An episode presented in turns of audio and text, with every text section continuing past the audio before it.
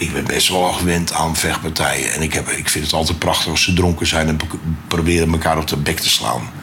Maar ik heb nooit meegemaakt dat iemand die knock-out geslagen was, dat hij dan nog doorgetrapt werd. Ja. Dat, dat, dat kan er bij mij niet in.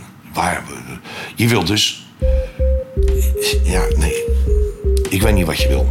Nee. Je wil iets, iemand nog meer beschadigen dan je al gedaan hebt.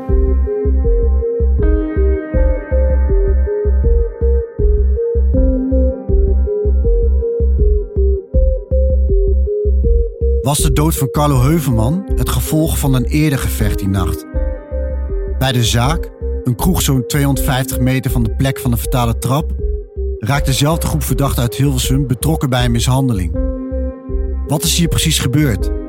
En kan het dat het tweede gevecht een direct gevolg was van het eerste? Mijn naam is Joris Peters, misdaadjournalist bij nu.nl. Je luistert naar Het Geheim van Mallorca. Dit is aflevering 2, Ari.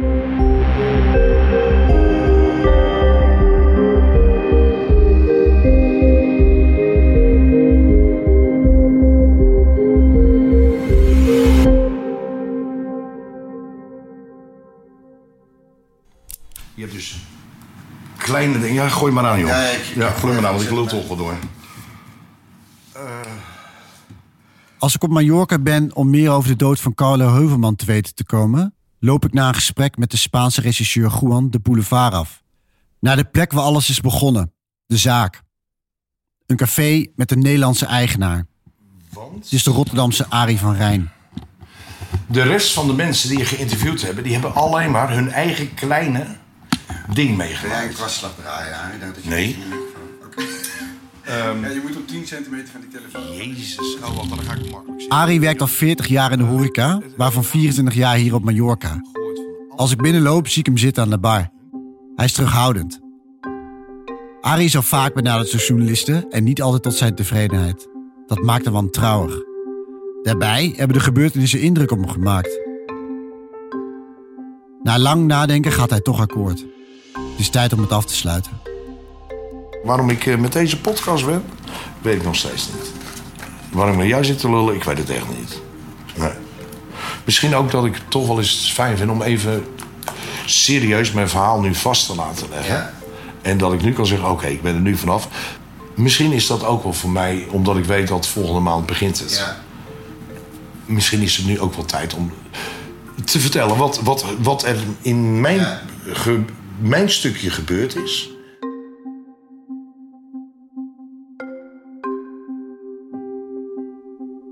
Ehm, het, het, het verhaal is dat alles wat jij hebt gehoord van de andere getuigen... zijn allemaal hun kleine gedeeltes. En ik ben er naderhand achter gekomen... dat ik het hele gedeelte heb kunnen overzien Ja. en meegemaakt. Het is in het café van Arie waar de eerste klap valt. Een klap die wordt uitgedeeld na oneenigheid over stoelen. Ja, in die periode hadden we natuurlijk nog steeds het corona gebeuren. En ehm, je mocht een, aantal, een beperkt aantal mensen binnen hebben. En eh, er moest dus afstand bewaard worden. En de mensen mochten alleen maar zitten. En de stoelen waren gereserveerd, want je mocht echt maar een bepaald aantal stoelen. Er waren te veel mensen. Een stoel was belangrijk. Als je een stoel had, mocht je binnen, kon je zitten en had je het feest. Ja. Zonder stoel had je één groot probleem. Je mocht namelijk niet staan. De politie reed continu langs om alle eh, eh, eh, voorwaarden te controleren. Op die avond gebeurde dus iets met een aantal jongens uit Hilversum... die elke avond bij me binnen zaten. De groep was uit elkaar gevallen. Een aantal jongens hadden hun eigen locatie gevonden die ze fijn vonden. En een groep van de jongens uit Hilversum, die zaten eh, elke avond bij mij. Die vonden het gezellig, dat beetje Nederlandse getrut.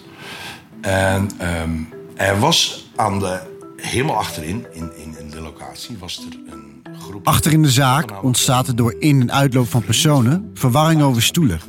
Tussen de groep uit Hilversum en de naastgezeten groep uit Heerhugowaard, een dorpje in Noord-Holland, begint gedoe over welke stoel van wie is. Maar die jongens onderling gaan erop af en hey, die gaan vragen stellen. Wat is, waar, dat is mijn stoel, jongens, kom op. Ja. Je weet hoe belangrijk het is. En er ontstaat natuurlijk weet je, eh, een beetje geschreeuw. Die stoel wordt afgegeven. Klaar, het probleem wordt opgelost. Nou weet ik niet exact meer de tijdspannen, maar eh, wij, wij moeten om twee uur dicht. En ik geloof dus tussen één en half twee word ik geroepen door een aantal mensen... dat er buiten voor de zaak een vechtpartij op straat was. Ja.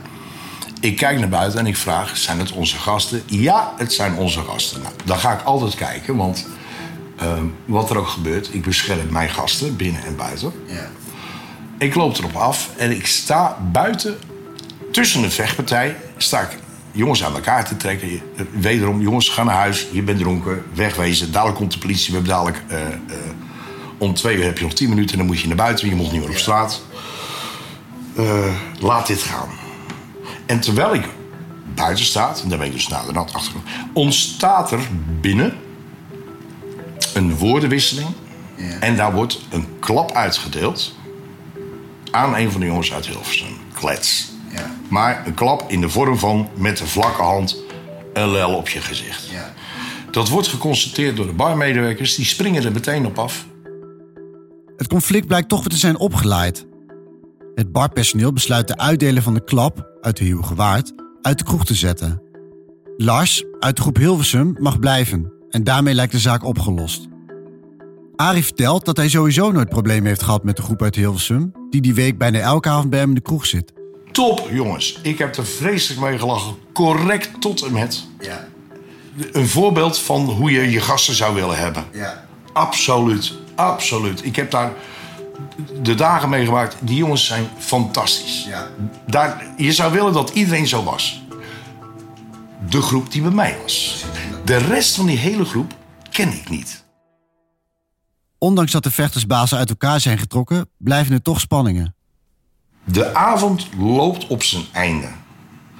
Uit je ooghoeken zie je dat er heel erg veel geappt wordt. Zwaar. Die bevindingen die worden opgeslagen in je hoofd. Daar doe je niks mee, want dat is een normale situatie. Alleen na de rand kom ik erachter dat ik inderdaad gezien heb dat er iets gebeurt Ja. in die groep Hilversum.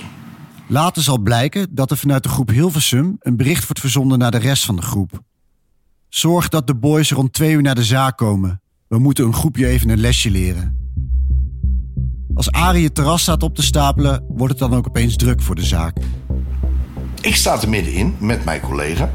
En ik zie in één keer eh, een stoel, mijn meubilair door de lucht vliegen. Ja. Nou, dan gaan natuurlijk alle alarmbellen af. Je kijkt. En in de hele groep, en dan, dan praat je over ervaring. Je scant de hele situatie. En je ziet aan lichaamsbeweging, lichaamshouding. Zie je waar de agressie zit. Mensen die met de armen langs de la- armen staan, een beetje zo staan, is niks. Mensen die wijd met de armen gaan staan en, en eh, opgepompt en je ziet die hoofd naar voren komen. Dat valt meteen op. Dat is in, in een tiende van een seconde scan je dat. Mensen die lang in de kroeg werken, die zien dat meteen. Die, die, die halen in de groep van 100 man, zien die meteen als er wat, als er wat buiten het normale gebeuren ge- eh, aan de hand is, zie je dat. De rest van de jongens uit Hilversum zijn inmiddels bij de zaak aangekomen. Onder hen zitten onder andere Saniel, Mees en Hein. Dit zijn de uiteindelijke hoofdverdachten in het onderzoek naar de dood van Carlo.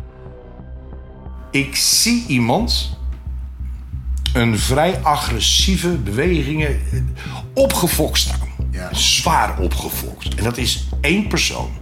Die gewoon in de hele groep van een mannetje of 80, 90 opvalt.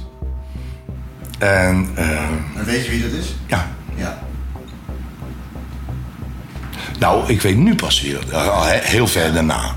Het was iemand met een zwart shirtje aan met een of ander gele beel, be- beest, een, een tekening, weet ik veel wat.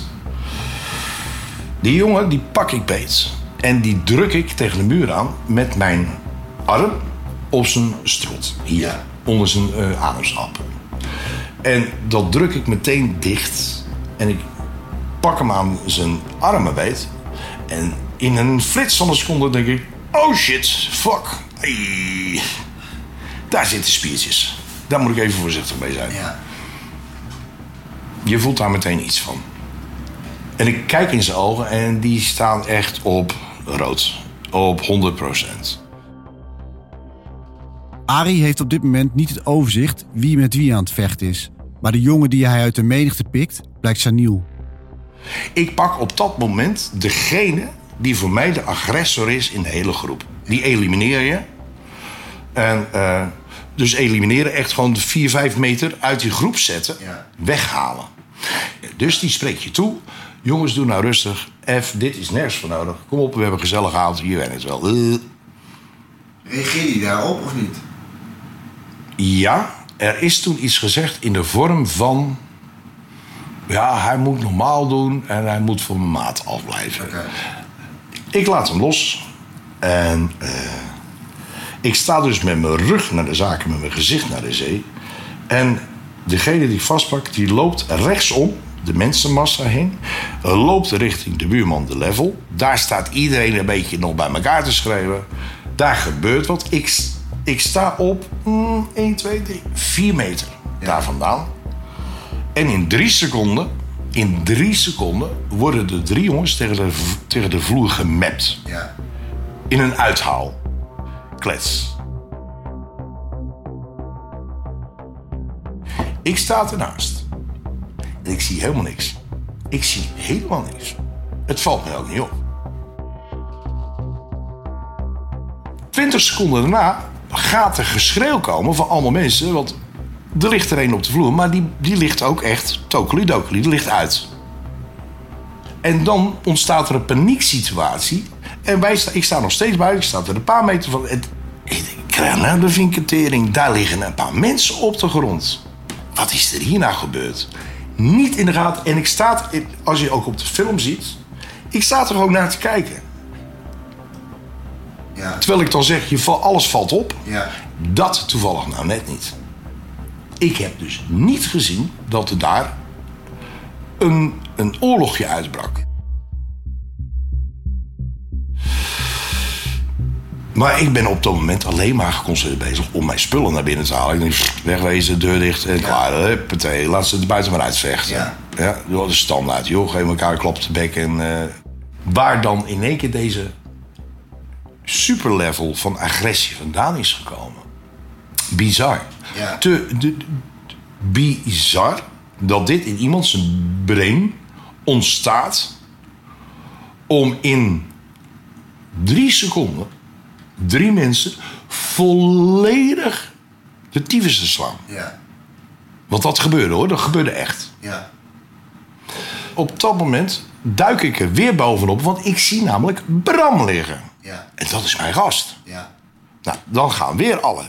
Dus vloeken, godverdomme nog toe. Wat is er vanavond aan de hand? Is het volle maan of zo? Wat, wat, wat is er aan de hand? Het wordt voor Arie duidelijk dat de vechtpartij gaande is tegen de groep uit de Heerige Waard. De jongens met wie het conflict over de stoelen gaande was. De grootste van deze groep is Bram. Hij wordt ondanks zijn omvang tegen de vlakte geslagen en raakt buiten bewustzijn. Zijn vrienden ontvangen ook rakenklappen. Het is een opeenvolging van incidenten. Die avonden heb je, dat is gebeurd. Niet elke dag, niet elke week, maar eens in de maand heb je zo'n avond. Dat er echt te veel gebeurt. En ik denk, mijn god, wat nou. Dus ik zie Bram liggen. En ik denk in één keer, godverdomme, wat is nu gebeurd? Ik weet gewoon niet wat er gebeurd is. Er liggen nog twee, die liggen, eh, komen gelukkig overeind. Maar waar ik altijd als te dood voor ben, is dat mensen die achterover vallen met een, een dronken of een knock-out, met de achterhoofd op, een, op de vloer vallen. Ja. Echt waar, dat is de angst die ik altijd heb gehad. Er- Er zijn genoeg mensen die achterover klappen en schiet, schiet het hersenpannetje los. En fl- flikkert alles over de grond heen. Nou, dat heb ik genoeg meegemaakt. Op dat moment komt er aan de rechterkant een busje aan van de Nacional. Er ontstaat chaos omdat er een aantal jongens op de grond liggen. En ik loop naar Bram toe. Ik kijk omhoog en ik zie iedereen wegsprinten. Want, oh god, oh, politie komt eraan. En die stappen uit. Ja. En die blijven bij die bus staan. Allemaal. En ik, ik, ik zit nog een beetje... Maar, hallo, ga, ga- hallo, doe even wat, knul. Eh, Er is hier een vechtpartij. Dus ik loop op die politie. Ik zeg, hé, hey, godverdomme. Er is hier vechtpartij. Er zijn een paar jongens. Ik zeg, daar lopen de jongens. Ja. Die lopen daar. Want iedereen zie je uit elkaar stuiven. Dat zie je ook op de camerabeelden. Die zie je, elkaar, die zie je groeperen en die zie je weglopen. Achteraf heb ik te horen gekregen dat deze groep politieagenten wa- waren de, eh, de hulptroepen die we altijd in de zomer krijgen van het vasteland. Ja. Die hebben dus alleen maar een ordehandhaving. Die hebben dus geen aanhoudingsmogelijkheid. Dat is gewoon puur intimidatie. We zijn aanwezig. En eigenlijk had je die, die gasten zelf kunnen beroven, want ze doen niks. Ja. Ja. In principe, terwijl Bram bijkomt, naar het ziekenhuis wordt gebracht, denk ik dan, oké, dan is datgene gebeurd wat eigenlijk de intentie was. Jongens, hun zijn de agressie kwijt, ze hebben iemand Ja. in elkaar gebeukt. We rennen nu naar huis, Pst, topavond. Lalalala, even grote praat, jongens, we hebben iemand in elkaar- gebeukt. Eh, dat zit in mijn hoofd, dat ze naar huis renden de ambulances komen en eh, bij mij wordt alles opgeruimd en we zijn klaar. En we zitten lekker, jongens zitten kassa's te doen, we zitten borrel te drinken. Wat een gezeik vanavond. Ja, ja, ja. Nou ja, oké, morgen weer een nieuwe dag en we gaan weer verder. Ja. Niet wetende wat 200 meter verderop gebeurt.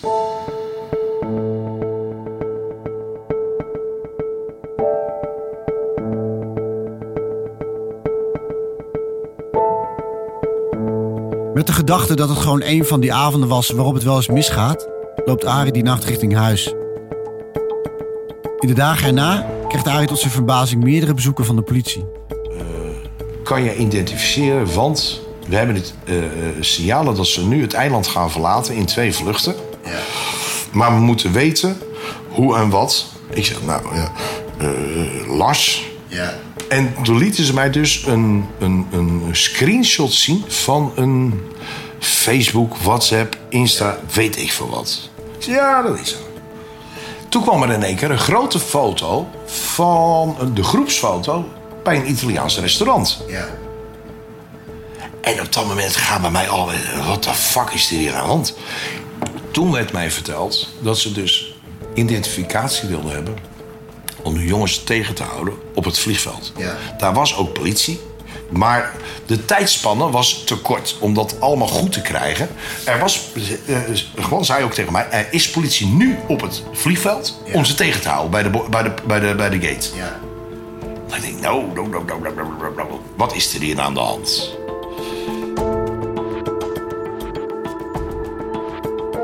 In de dagen die daarop volgen, begint het voor Arie langzaam duidelijk te worden wat er verder die nacht nog is gebeurd. Hij begint te beseffen dat het gevecht voor zijn kroeg onderdeel is geweest van iets groters. Als Arie terugdenkt aan deze nacht, kan hij er niet bij hoe deze heeft kunnen eindigen zoals hij is geëindigd. Dus er is bij mij een, een, een vechtpartij geweest, opgefokt, stoom uit je oren, eh, weet ik veel wat. Er worden een paar mensen de tyfus tyfus geslagen. Je loopt de boulevard op en 200 meter verder gaat dat in je hoofd nog steeds door. Ja. Met wildvreemde mensen die op straat staan. Wildvreemde, je bent ze van je fucking leven nog nooit tegengekomen. Die staan allemaal, worden- zijn allemaal net uit de kroeg, want de kroegen zijn, de- zijn eh, aan het leeglopen. Die kom je tegen en die schop je helemaal de touwtyfus. Ja. Wauw, wat is. Waar? In je fucking hersens gaat het fout. Ja. Wat is de reden? Wat is de trigger? Daar kan ik niet bij. Daar ben ik al maanden, een half jaar mee bezig om daarover. Nee, het eerste half jaar erg mee bezig geweest.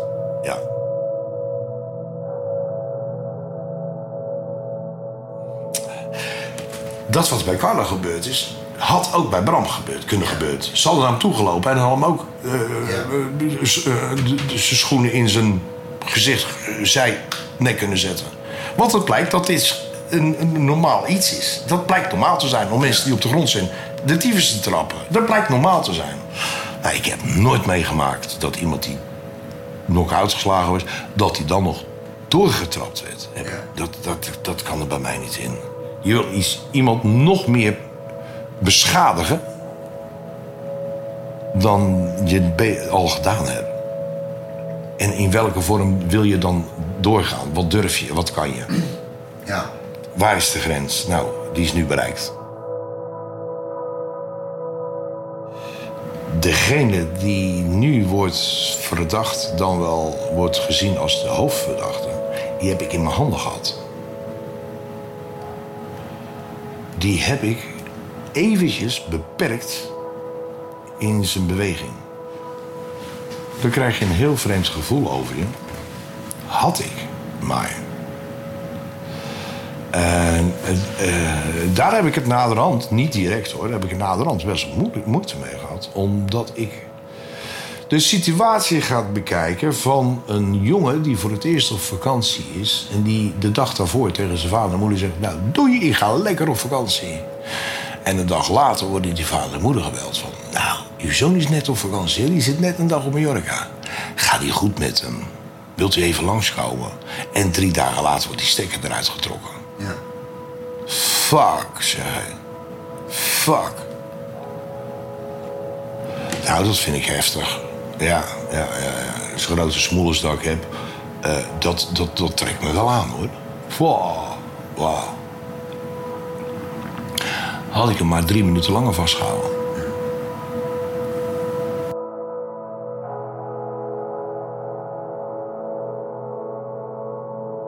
Hebben we nou te maken met een groep die willens en wetens een spoor van geweld achter zich liet?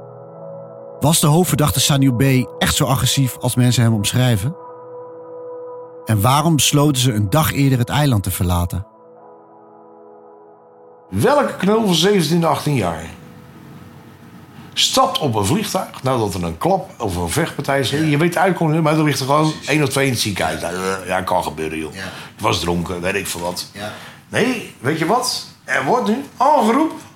Wordt er nu besloten om het vliegtuig op te stappen. En voordat we dat doen, let goed op jongens. Al je social media deleten. Ja. Welke 17, 18-jarige die leeft van social media, laat zich dat zeggen. Ja. Nou, op dat moment, toen ik dat doorkreeg, dacht ik, daar is iets meer aan de hand. Hier klopt iets niet. Dit wordt niet ingefluisterd door de buurman hoor. Precies. Dit, hier zijn mensen bezig die erover nadenken. Ja.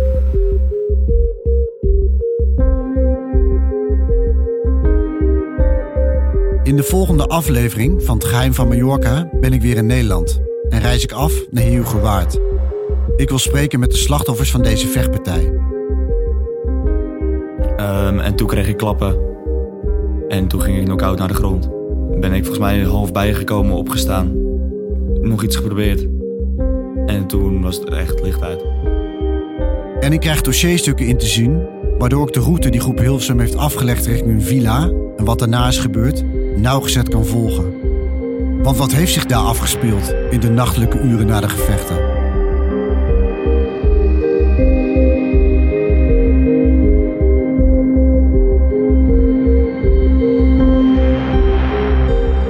van Mallorca is een podcast van nu.nl en wordt geproduceerd door David Achter de Molen van het podcastkantoor.